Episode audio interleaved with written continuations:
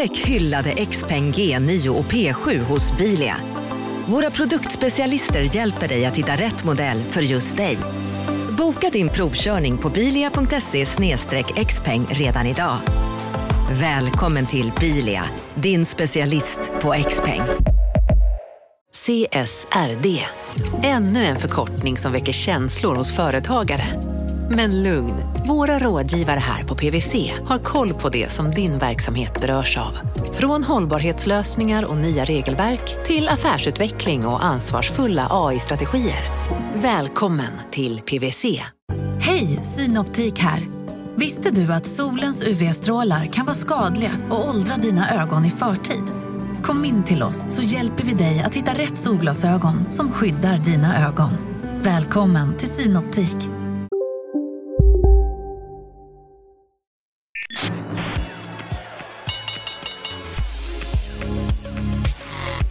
Här är Affärsvärlden med Helene Rådstein. Hej och hjärtligt välkomna till podden Affärsvärlden där vi varje torsdag fördjupar oss i affärsvärldens journalistik. Jag heter Helene Rådstein och jag är redaktionschef på Affärsvärlden. Och eh, hjärtligt välkommen hit eh, Joakim Bornold. Ja, Du är sparekonom på Söderberg Partners. stämmer. Jag, gett, jag stoppade till lite grann här nu när jag skulle säga ditt efternamn. Och jag, alltid när jag ska skriva det så måste jag liksom ta copy-paste eh, på ditt efternamn. För, för det är någonting med det. Och jag ser att det är felstavat väldigt ofta. Väldigt ofta. Ja, hur kommer det sig? Och var kommer efternamnet ifrån? Ja, men det är en bra fråga. Jag har efternamnet från min fru.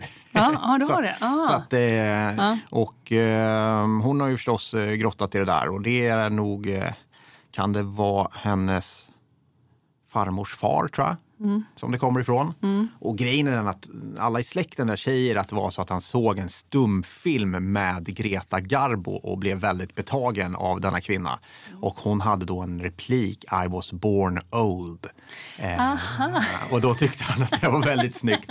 Eh, men sen Så jag det hört- blev fick internationell Ja, touch. så jag har hört av någon annan släkting att det har någon koppling till någon tysk familj. Eh, Så att det kanske har någon, någon, någon tysk eh, koppling med namnet.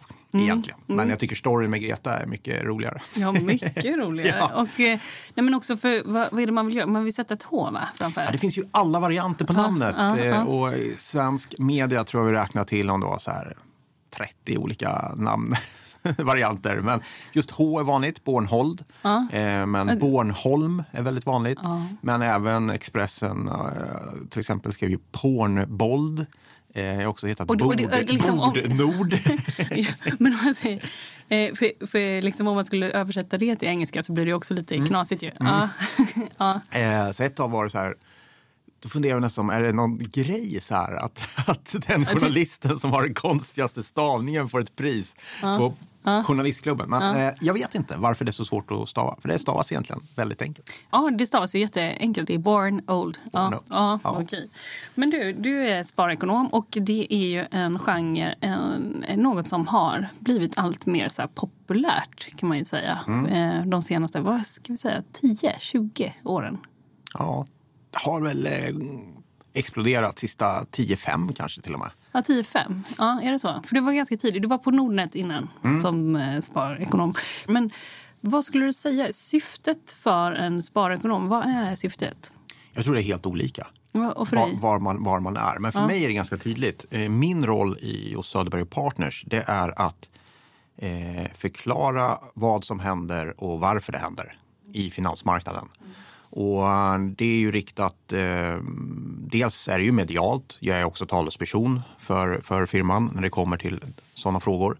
Eh, men det är Som också, rör själva firman, ja. Ja, eh, och talesperson kring analys, vad vi tycker och tänker. ja, ja, och, eh, Men jag har ju en väldigt fri roll samtidigt. Men är det du som, eh, när, när man intervjuar dig, är det firmans åsikt eller är det din åsikt? Ja, det är ju väldigt bra. Jag försöker vara tydlig med när det är firmans åsikt. Ja, Att, att säga det. Eh, för oftast är det ju min egen åsikt. Som dock förstås bygger på det som vi, vi levererar och mina analytiker levererar till mig. ja. Så om inte du har sagt, eh, liksom, nu är det eh, firmans åsikt, då är det din. kan man Då säga. är det min åsikt. Ja. Och förhoppningsvis så, men, men jag skulle komma till, men lika mycket är det ju åt kund då förstås. Eller det kanske är det viktigaste. Eh, Jag träffar jättemycket kunder på kundevent eller enskilda möten eller olika typer av, av eh, också rådgivare. Vi har rådgivare över hela, över hela världen, höll jag på att säga. Det var, väldigt, det var hybris, men över hela Sverige i alla fall. Och hela Norden. Men just i Sverige så träffar jag mycket rådgivare också. Så jag åker runt mycket i Sverige. Träffar kund, träffar rådgivare, förklarar. Ehm, och det är min roll att förklara.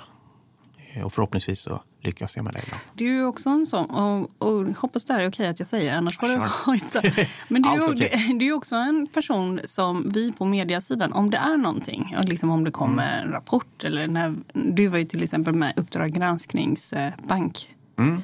eh, Just det. program. I alla fall Swedbank var de med i. Ja. Och eh, sen så har vi talat vid tidigare liksom, olika tillfällen. Och man vet ju, jag vet, Mm. jag kanske inte ska sprida detta, men jag vet att jag kan så här, smsa dig 06.20 ungefär och Ja. få ett svar. Är, Ja. det, är det något som du rekommenderar fler att göra? Du är ju väldigt tillgänglig för Absolut. eh, media. Hur, va- varför är du det? Jag tycker det är kul. Ja. Tror jag framför allt. det är så. Eh, och det, är- det är en enorm lust i det här jobbet. Och eh, jag har ju alltid jobbat med aktiehandel eh, i, sedan 98. Eh, så att vanan att alltid vara tillgänglig, den finns nog därifrån. Man, jag har aldrig kunnat slagit av min mobil eh, i min tidigare karriär. Och då blev det bara naturligt att jag följer med eh, när jag gick över hit. Eh, sen tycker jag att det är en det är då man kan bidra med något också. Att, att, eh, jag är ju inte egentligen, jag är ju ingen expert i, i alla de här sakfrågorna. Ibland kan man säga, men varför ringer man alltid Jocke Bornold? Han kan ju inte veta allt om allting. Nej, så är det ju förstås inte. Jag är ju inte Sveriges bästa expert på Saab och på räntebanor. Det, det, det är liksom omöjligt. Men jag kan förhoppningsvis vara en av de bästa kanske på att förklara vad som händer när det händer.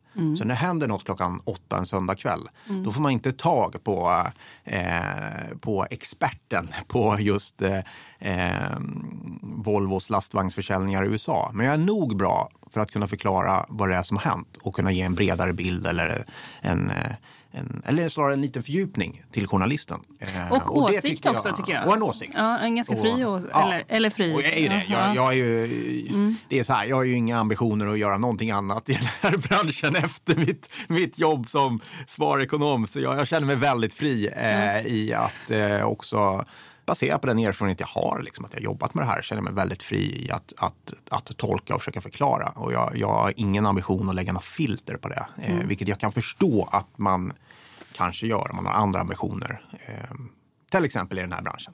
Det är lätt att bränna broar i, min yrkes, i, min, i mitt yrkesval och jag, jag gillar att bränna broar. Jag har inga problem med det. Jag bygger gärna också. Bygger gärna Vilken också. är din favoritbro som du har bränt? Oj, eh, nej det vill jag nog inte. jag vill nog inte lyfta ut någon sådär. Men det finns ju många som har ringt och skällt och, och, och stökat runt. Och det är ju ett bolag som jag har varit på mycket i Oscar Properties. Eh, Jag tror inte de har någon idolporträtt på mig direkt eh, Nej. på Oscar Properties. Men Är det någon därifrån som har hört av sig till dig? ja, men det, det, det har de gjort och det är ju bra liksom. Jag gillar ju det. Är det, är det Oscar som har hört av sig till? Nej, det har han nog inte. Men många gånger är det just vd som hör av sig. Och, och många gånger är det säkerställa varför jag tycker som jag gör och se om det är någonting jag missat. Ehm, och ibland ringer man bara för att skälla. det gillar att gorma lite också.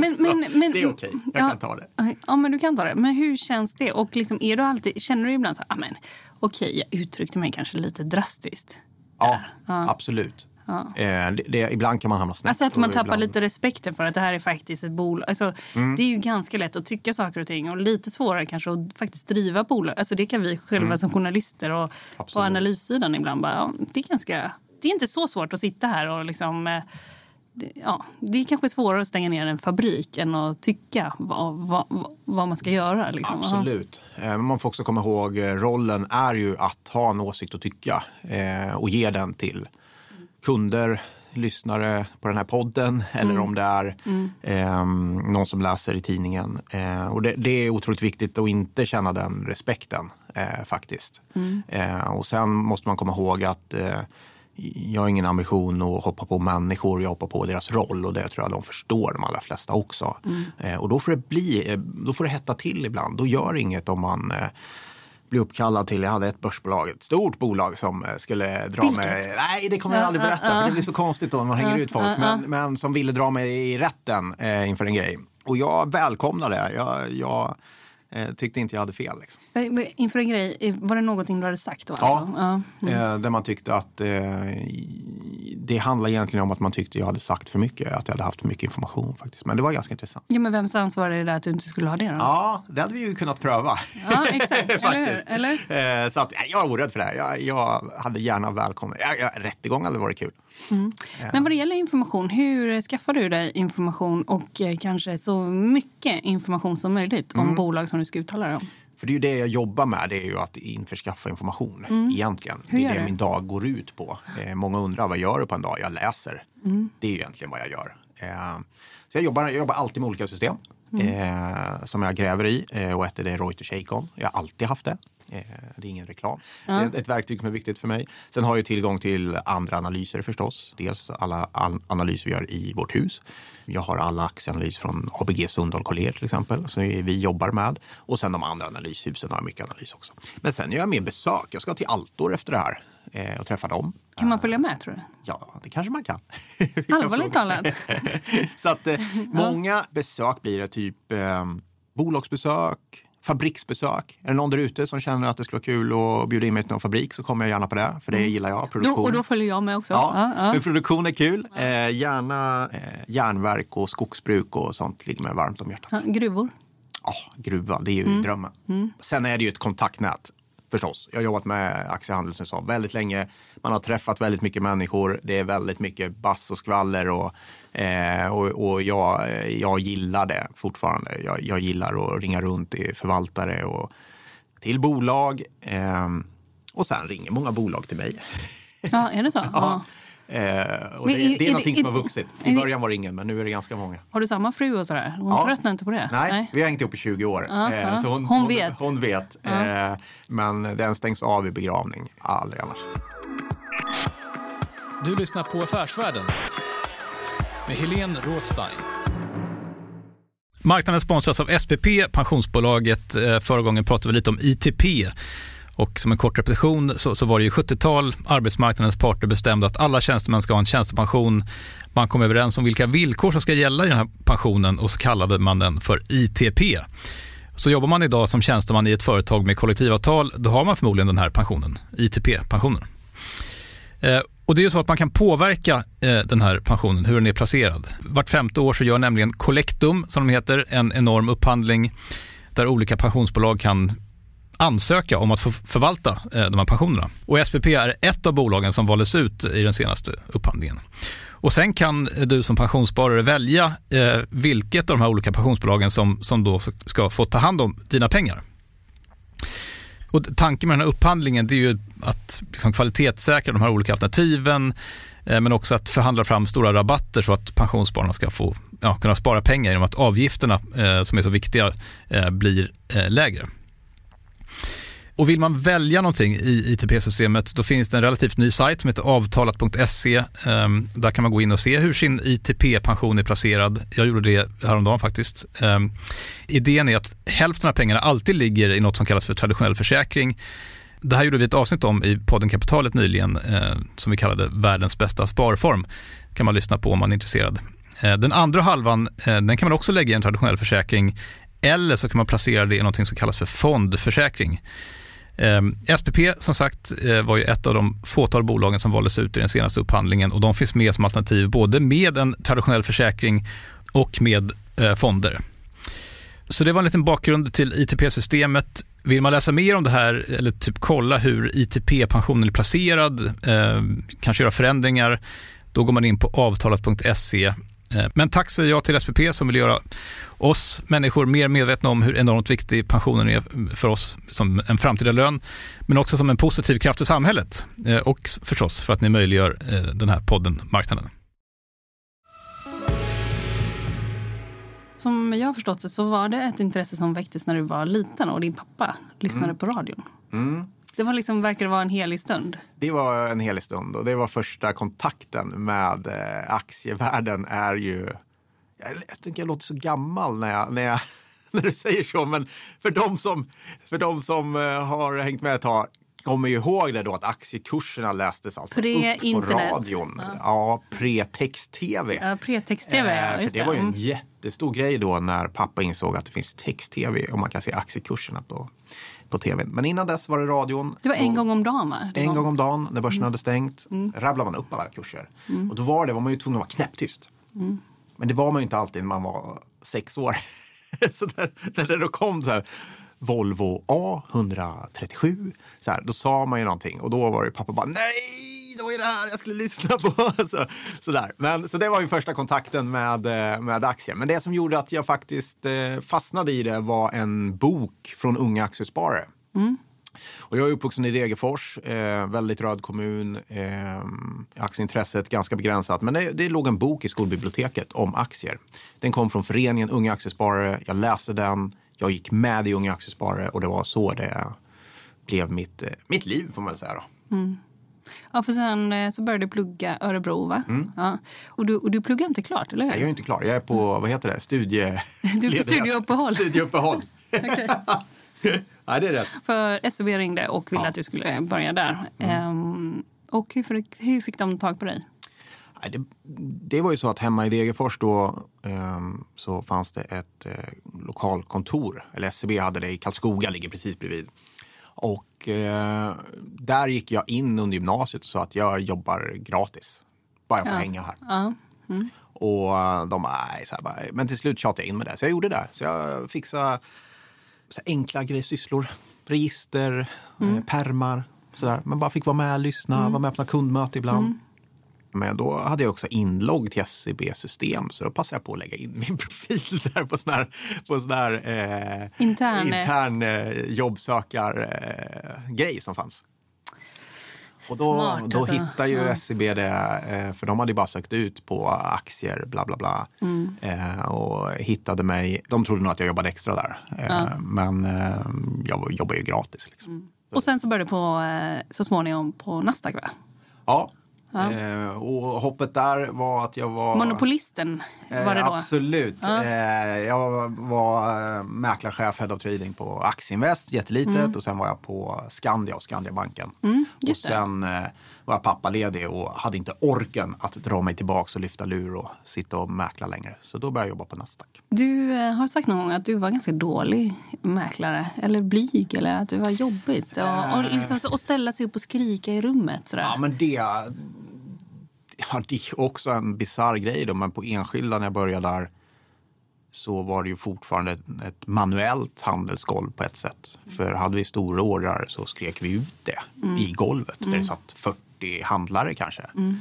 Idag är det nog bara två, tre kvar för allt är automatiserat. Men då skrek man ut det. Det var ganska nervöst. Det var, det var en tuff miljö, eh, helt klart. Mm. Eh, som, tuff och hjärtlös? Eh, ja, men det fanns nog hjärta hos en del också, absolut. Men mm. hos många var det väldigt brutalt. Eh, och jag var lite för ung för att ta det, tror jag. Mm. Jag var väl halvbra. Jag var inte dålig, jag var inte bäst. Eh, mm. Jag var helt okej. Okay. Mest drivet på det stora intresset, tror jag. Men det var ju magiskt att få sitta där. Det var liksom hjärtat av svensk aktiehandel och kompetensen som fanns i det där rummet var ju enorm. Så det var en fantastisk skola. Eh, men det var tufft. Mm. Um, nu så kommer vi ju närma oss en rapportsäsong. Det är redan är det Dustin har kommit ut när vi spelar in här. Är det någon mer som har eh, levererat rapport? Idag kommer ju Alcoa, den amerikanska aluminiumtillverkaren. Det är ja, en klassisk start. Eh, Aluminium är kul. Det är kul. Ja, ja, ja. Har du hunnit titta på den? Ah, den kommer ikväll. Ja, ah, det kommer ikväll. Men det känns som för mig så här, starten på ah, ah, rapportperioden. Det det. Ah. Vad säger du nu? Vad, är det, vad tycker du man ska, om du ska förklara här nu för massorna som lyssnar på podden. Vad, vad skulle du säga? Det här är fem saker man ska hålla utkik för inför rapportsäsongen. Oj, fem saker. Härligt. Fokus hos mig blir ju industri. Eh, ja. Det är ju väldigt spännande just nu kring mm. industribolagen. Mm. Och, eh, där är vi lite olika, men det, du ska hålla koll på Nej, men då får, därför det blir orderingång.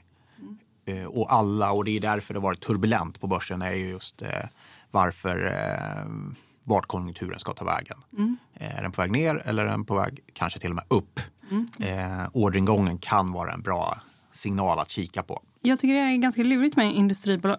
Det som har diskuterats mycket är ju liksom om de inte innoverar så mycket som de borde göra på grund av den låga svenska kronan. Att man kan liksom rida på det så pass mycket som man inte gör det som man absolut måste. Ja. Har du följt den debatten någonting? Ja, vad, vad, vad säger du om det? Det är en sån här eh, grej som i teorin eh, känns rimlig. Ja. Eh, och eh, Det är national ganska te- teoretiska. Nationalekonomin är ju alltid rimlig teoretisk. Ja, ja. Men funkar den så verkligen i praktiken? Ah, det är en annan sak. Eh, nationalekonomi är ju väldigt tråkigt på det sättet att det sällan funkar i praktiken eh, när man ska praktisera den. Eh, De har sina X och Y-axeln där. Och så ja, det ett- och några- så funkar det inte. Utan det är ju Avtagande marginalnytta funkar. Ja, men den funkar hyfsat. Den funkar det gör den faktiskt. Ja, Lagen det- om avtagande marginalnytta, den ska man aldrig glömma. Nej, Men, men ja. jag vet inte, det, det är ju inte så att svag krona är någonting nytt. Nej. Det har vi pratat om i eh, hur länge som helst. Mm. Och man brukar ta upp exempel mot schweizerfranc så är ju det ja, i princip sen kriget. Eh, eller i alla fall sista 30-40 åren. Så att, nej, och svenskarna var ganska bra på att konkurrera ändå. Men kanske. Men orderingången, den tycker du det är supercentral? Ja, Mm. Ja, det är den. Ja, men det är den väl alltid? Och det är den ju alltid, man ska alltid kika på den. Det är en bra värdemätare. Och där har det varit lite svajigt hos vissa. Till Mm. exempel Volvo har ju haft eh, rejäla neddragningar på orderingång. Eller neddragningar, det är, det är inte de som har valt det förstås. Men, men där har det sjunkit ganska rejält. Så det Mm. blir spännande. Lastbilsbranschen är ju under en stark förändring eh, förstås, som, som många andra. Men eh, där För ligger de uppenbarligen långt fram. Ja, för det kan ju vara så här, till exempel om man kommer och så besöker man den här eh, Vera. Det har ju bildats, först var det ett nytt affärsområde och sen så kanske det där kan växa och bli liksom det största på sikt. Ja. Det vet man ju inte. Nej. Men när man eh, är och besöker så- sådana ställen så kan man vara så här, gud vad det här är häftigt. Men du kanske åker och liksom har besökt tio andra Mm. fabriker. Men om man inte gör det så är det ju så lätt, liksom, för man blir ju imponerad av det man ser. Men hur gör du för att, liksom, nu har jag sett den här Vera. Men hur ser Scanias motsvarighet ut? Ja, men det är det man måste göra. Eller, ja. eh, och framförallt så vad man ska göra då om man nu är intresserad av att lära sig saker och har kommit fram till. Det är att försöka komma förbi dem du träffar på de här träffarna som är förslipade. De är, Ja, eh, smart där. Så när det stormar mycket kring Ericsson till exempel då, Mm. om jag ska ta ett exempel, så då möter man ju ofta sådana som jag, vi möter oftast IR och de vet vad jag frågar, vad jag vill ha. Eh, men när det stormade som värst, då, då åkte jag ut och åt lunch ganska mycket i Kista. Så bara lyssnade jag, så här, eavesdropping, typ. Vad snackar de som jobbar kring högkvarteret om? Men det ju- men Eh, liksom- och ibland så här frågar, men jag är väldigt ärlig vem jag är Ja, ja. Mm. eh, om jag går fram och frågar. Men fråga någon som eh, uppenbarligen jobbar med någonting och eh, liksom, vilka är dina konkurrenter? Så här, vilka slåss du med? Man får mycket bättre svar. Det blir oftast, Mm. jag ska inte säga att det är ärligare svar, men det är oftast tydligare. Och, och, och eh, det försöker jag göra faktiskt. Mm. Jag försöker träffa lite folk sådär och har ett kontaktnät med människor också på Mm. många av de bolag jag är intresserad av att följa. För att, för Finns att, det någon, sån här, någon nyckelperson som du tycker det här är faktiskt en roll som man ofta glömmer? Att liksom det är en central position och för att få reda på vart, vart vi är på väg. Eh, ja, jo, egentligen steget under affärsområdeschef. Ja. Där. Och det kan vara olika beroende på vad det är för företag. Eller, men det tycker jag generellt. Sådana som ska realisera eh, det som bestäms. Exakt, Ja. för det är det det handlar om. Det är de som antingen sitter i skiten eller, eller de som är mest involverade i något. Eh, där tycker jag att man får bra konkret information. För de jobbar med det väldigt konkret. Eh, och är oftast väldigt insitta i just den frågan. Mm. För annars tycker jag, som journalist kan jag ju ibland kontakta personer på LinkedIn. Jag gjorde det Mm. för ett stort bolag här för inte så länge sedan. Och då eh, fick jag, liksom, för jag fattade det här är personal och sådär. Men då fick jag ett svar jag ska höra med min chef. Mm. Och eh, liksom att folk kan bli lite rädda om man bara Ja. kommer helt nästan... Eller, alltså, där är jag ju inte anonym utan då är det också, jag heter så och så, jag är intresserad av det här och det här. Vad händer? Men, eh, men, men sen tar det ju stopp när det går vidare till chefen. Då är det ju smartare som du att... Eh, Men det är, jag har fördelen av, jag är bara en intresserad analytiker. Ja. Du är en journalist. Ja. Eh, och det, det är en stor eh, Ja. rädsla generellt. Det är en annan podd kanske, men jag tror det är en Ja. stor rädsla för att prata med journalister. Eh, ja, det är så Eh, trist. och det är ja. tråkigt både för dig som journalist men det är väldigt tråkigt för oss som läser också. Därför det blir mycket sämre artiklar på grund av det. Att Man inte vågar från bolagen vara mer öppna men också släppa fram fler människor, Mm. en större bredd av människor som får prata med journalister. Och det där är, det är inget bra. Nej. Eh, Och Ericsson förresten, när vi ändå är inne på det. Vad tror du när de kommer ut nu? Oj, det känns ju som... Eh, men Ericsson kan vara nummer två. Ha koll på Ericsson. Ja, det ja. kan ju vara, det, det, för det är ju väldigt intressant. Sen kanske inte det spelar så stor roll för börsen längre som Ericsson en gång gjorde. Men Ericsson får bli nummer två. Håll koll på Ericssons marginaler. Därför de är ju, tycker jag, för svaga. Eh, Ericsson som bolag jag gillar. Jag har alltid följt dem. Tycker det är superkul med Ericsson fortfarande. Men Gillar är sin du har det i portföljen. Eh, jag äger inga aktier längre eh, överhuvudtaget. Nej. Bara fonder. Och, och det har egentligen att göra med att jag eh, känner att det blir för kletigt. Eh, sådär, så att, eh, men men eh, Ericsson, hade, Ericsson är ett bolag jag gillar, gillar inte aktien. Nej. så det hade nog inte Nej. varit med där. Därför att de är en perfekt storm. Eh, väl, går väldigt bra med teknikbyte, utrullning av 5G. Det är liksom det största som kan hända är ju teknikskifte i telekomutrustningsbranschen. Eh, eh, eh, och det har ju alltid varit eh, väldigt lönsamt förstås. Men marginalerna är för dåliga. Men samtidigt har värsta konkurrenten Huawei jätteproblem. Och då pratar du om eh, politiska problem? Politiska problem som gör att de uppenbarligen stoppas på flera marknader. Eh, I USA så kör Ericsson och Nokia mer eller mindre själva. Det borde vara bättre kan jag känna. Och det blir spännande att se om, om marginalerna mäktar med att lyfta. Men det, det känns inte så. Det är för svagt. Du lyssnar på Affärsvärlden med Helene Rådstein. Eh, marknaden sponsras av Karla. Eh, vi pratar ju en hel del om bilar här- på kontoret. Eh, Karla har ju skapat, skulle jag säga, det som är standarden för hur man idag köper och säljer bilar på nätet. Eh, kort bakgrund bara. Eh, Karla säljer och leasar begagnade elbilar eh, och laddhybrider på karla.se. Alltså en helt eh, digital upplevelse. Och man har gjort det här med ett nästan maniskt fokus på vad en bilköpare faktiskt behöver. Jag gjorde ju en intervju med en av grundarna, Patrik Illerstig, i marknaden här eh, ganska nyligen, eh, daterad 25 mars, om man vill lyssna på den. Eh, men där berättar han hur de kom in i det här lite från vänster för att försöka uppfinna hela den här liksom bilköpupplevelsen från början.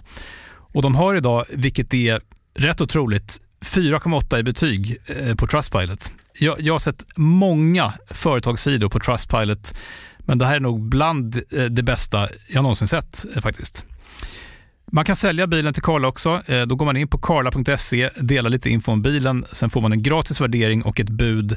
De hämtar bilen helt gratis i hela Sverige och så har man pengarna på kontot i samma stund som de hämtar bilen. Det är grymt.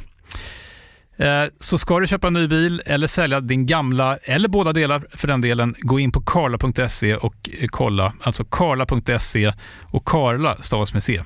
Tack så mycket till Karla.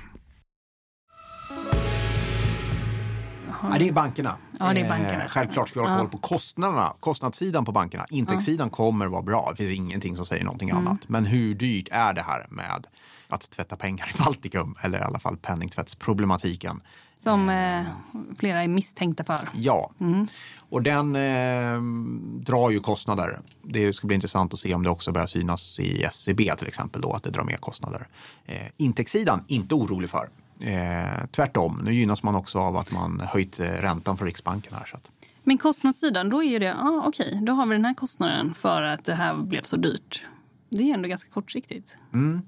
tycker att marknaden tar det nästan som att det är någonting som kommer vara för evigt. Ja. Eh, vilket är märkligt. Eh, så det, Skulle du säga att många är undervärderade? Ja, det tycker jag. Eh, Kan du peka ut några enskilda banker? Eh? Swedbank, SEB som tar mest stryk tycker jag också Mm. är de som är mest intressanta. Eh, Swedbank till exempel var ett bolag man tyckte var alldeles förträffligt och väldigt välskött innan det här eh, exploderade. Eh, men det som har hänt har ju lite bäring på banken.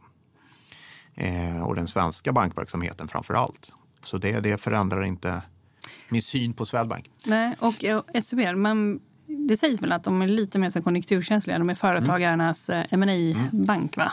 Eller? Ja, eh, det är de ju. Men Då kanske folk blir sura. Mer, eh, ja. ja. precis. Men så är det ju. SEB ja. vill ju inte så gärna att man klumpar ihop dem med de andra. För de är inte lika känsliga när det kommer, eller man kan säga så här, bolån är ju inte en lika stor del av deras verksamhet Nej. som eh, till exempel Swedbank. Absolut mm. inte. Så de är mer beroende av intäkter på företagssidan. Mm. Men det är ju inte bara M&A och aktiehandel och trading utan det handlar ju väldigt mycket om transaktioner och... Eh, Göra om lån ifall det blir dåliga tider också. Ja, finansiering och allt ja, det där. Och, som, mm. Eh, mm. som ett framförallt stort företag behöver hjälp med. Och många av de stora mm. företagen är ju eh, kunder hos SEB. Så de behöver en hög eh, och bra eh, aktivitetsgrad i de stora mm. bolagen. Orderingången i industribolagen ska man ha koll på. Man ska ha koll på Ericssons marginaler och eh, bankerna på kostnadssidan. Mm. I alla fall i det korta perspektivet. Är det, lång, är det lite längre perspektivet? Vad, vad, tycker du man ska kolla på då? På banksidan? Mm. Konkurrenssituationen måste man väl ändå kika på. Eh, möts de av konkurrens? Jag, jag är ju positiv där. Jag tycker de svenska bankerna står emot det väldigt bra. Mm. Eh, och det har att göra med... Du, tar, du talar om fintech och ja. de här konkurrenterna? Ja, ja, ja precis. Eh, därför att det Danske Bank är väl den enda utländska banken, man får säga så, som faktiskt försöker konkurrera på riktigt eh, i Sverige. Så, eh, men det är, det är en konkurrens. Vi konkurrerar på en, en marknad där vi blivit väldigt stora på det som kallas private banking till exempel. Eh, och det är någonting de behöver skärpa till sig för annars kommer vi och konkurrenter till oss som Carnegie och, och så vidare fortsätta knapra där. Eh, vi pratar om bolån, där det är mycket fintech och allt vad det är. Men man ska ändå komma ihåg att det är svårt att konkurrera ut eh, storbankerna. Mm, mm. Eh, och, och, jag tror att det kommer ta tid i sådana fall. Och just bolån är en sån sak, det verkar väldigt svårt. Jag tror faktiskt inte det kommer hända riktigt. Mm. Och punkt fyra, vad ska vi säga? Punkt fyra ska man kolla på fastighetsaktierna, för det har ju varit en raket eh, och det har ju alltid legat fel. Så kanske man gläds med andra? Ja. ja, man får gläds med andra. Ja. Kanske, du, du, ska inte ens lyssna på mig. Jag är bara bitter över att ha missat det, men, men jag är bränd av av eh, min fars fastighetsspekulationer på 90-talet. tror jag. Ja, eh, nej, han lyssnade på radion och, och så spekulerade Ja, min pappa han. hade mycket fastigheter då ja. in i... Eh, det, det är ju en annan podd, men, men det gjorde att eh, det sprack ju totalt då 90, tidigt 90-tal. Mm. Eh, vilket gjorde att vi fick flytta ut till vår sommarstuga faktiskt. Nej. Jo.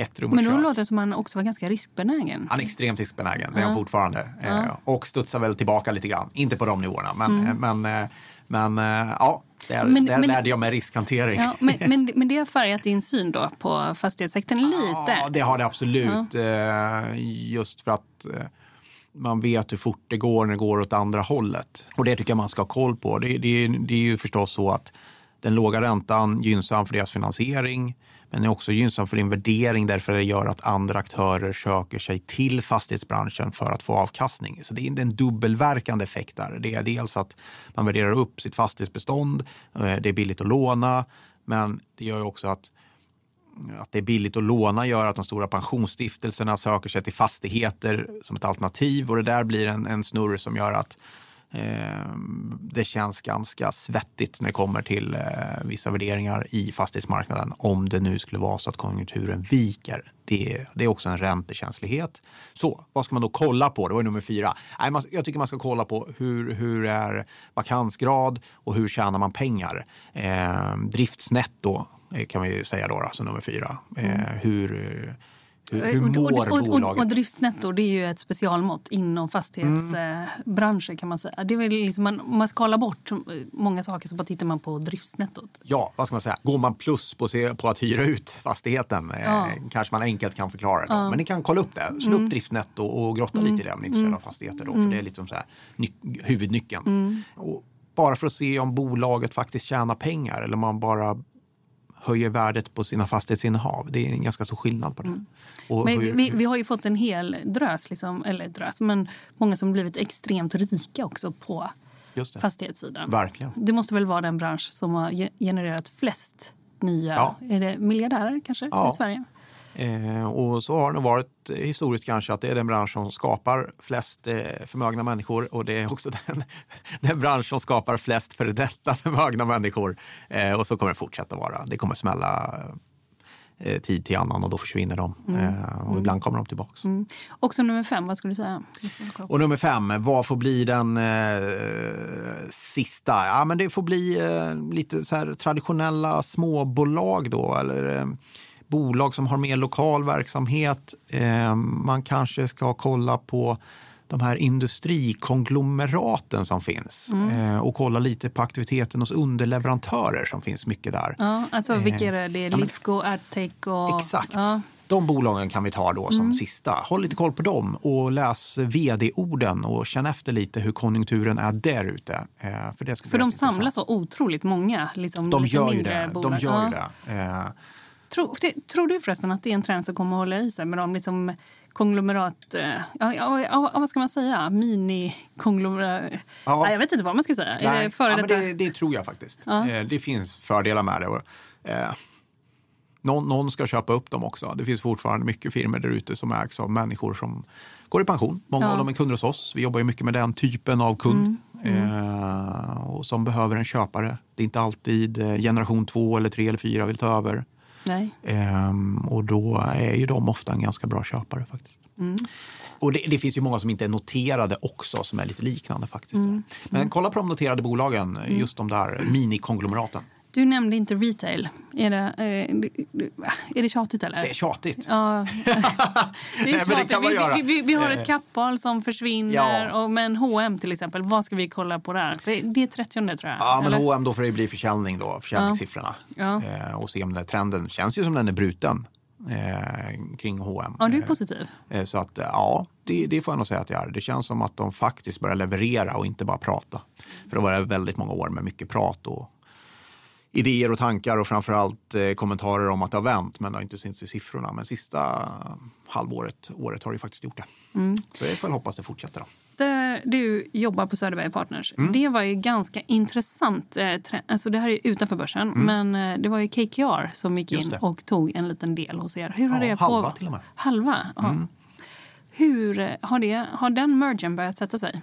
Ja, den tror jag sker nu någonstans, eh, det, eller om det precis har skett, ägarbytet. Eh, jag har ingen aning om det kommer påverka Söderberg Partners. Eh, tror inte det så mycket, det känns inte så. Men det har påverkat min roll mycket faktiskt. Därför att KKR har ju själv mycket analys.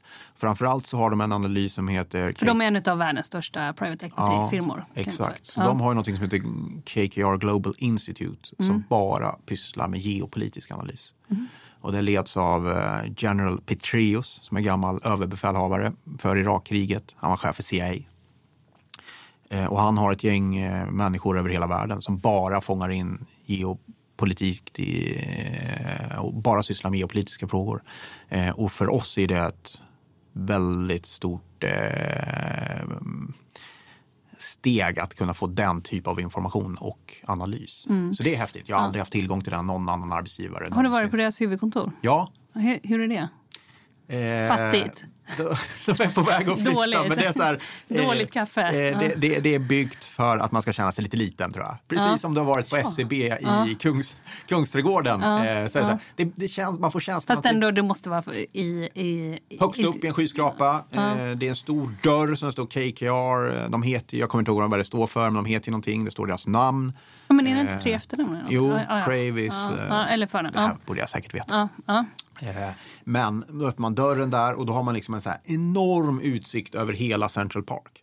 Åh, vad kul. Mm. Eh, Så den är ju fantastisk. Men jag tror de ska flytta faktiskt. Men Annars är det en så svag doft av Wall Street eh, med så här plastek, eh, faner och sånt där. Jag vet inte om ni har varit på de här amerikanska Wall Street-bankerna, men det är ju det, det är så här.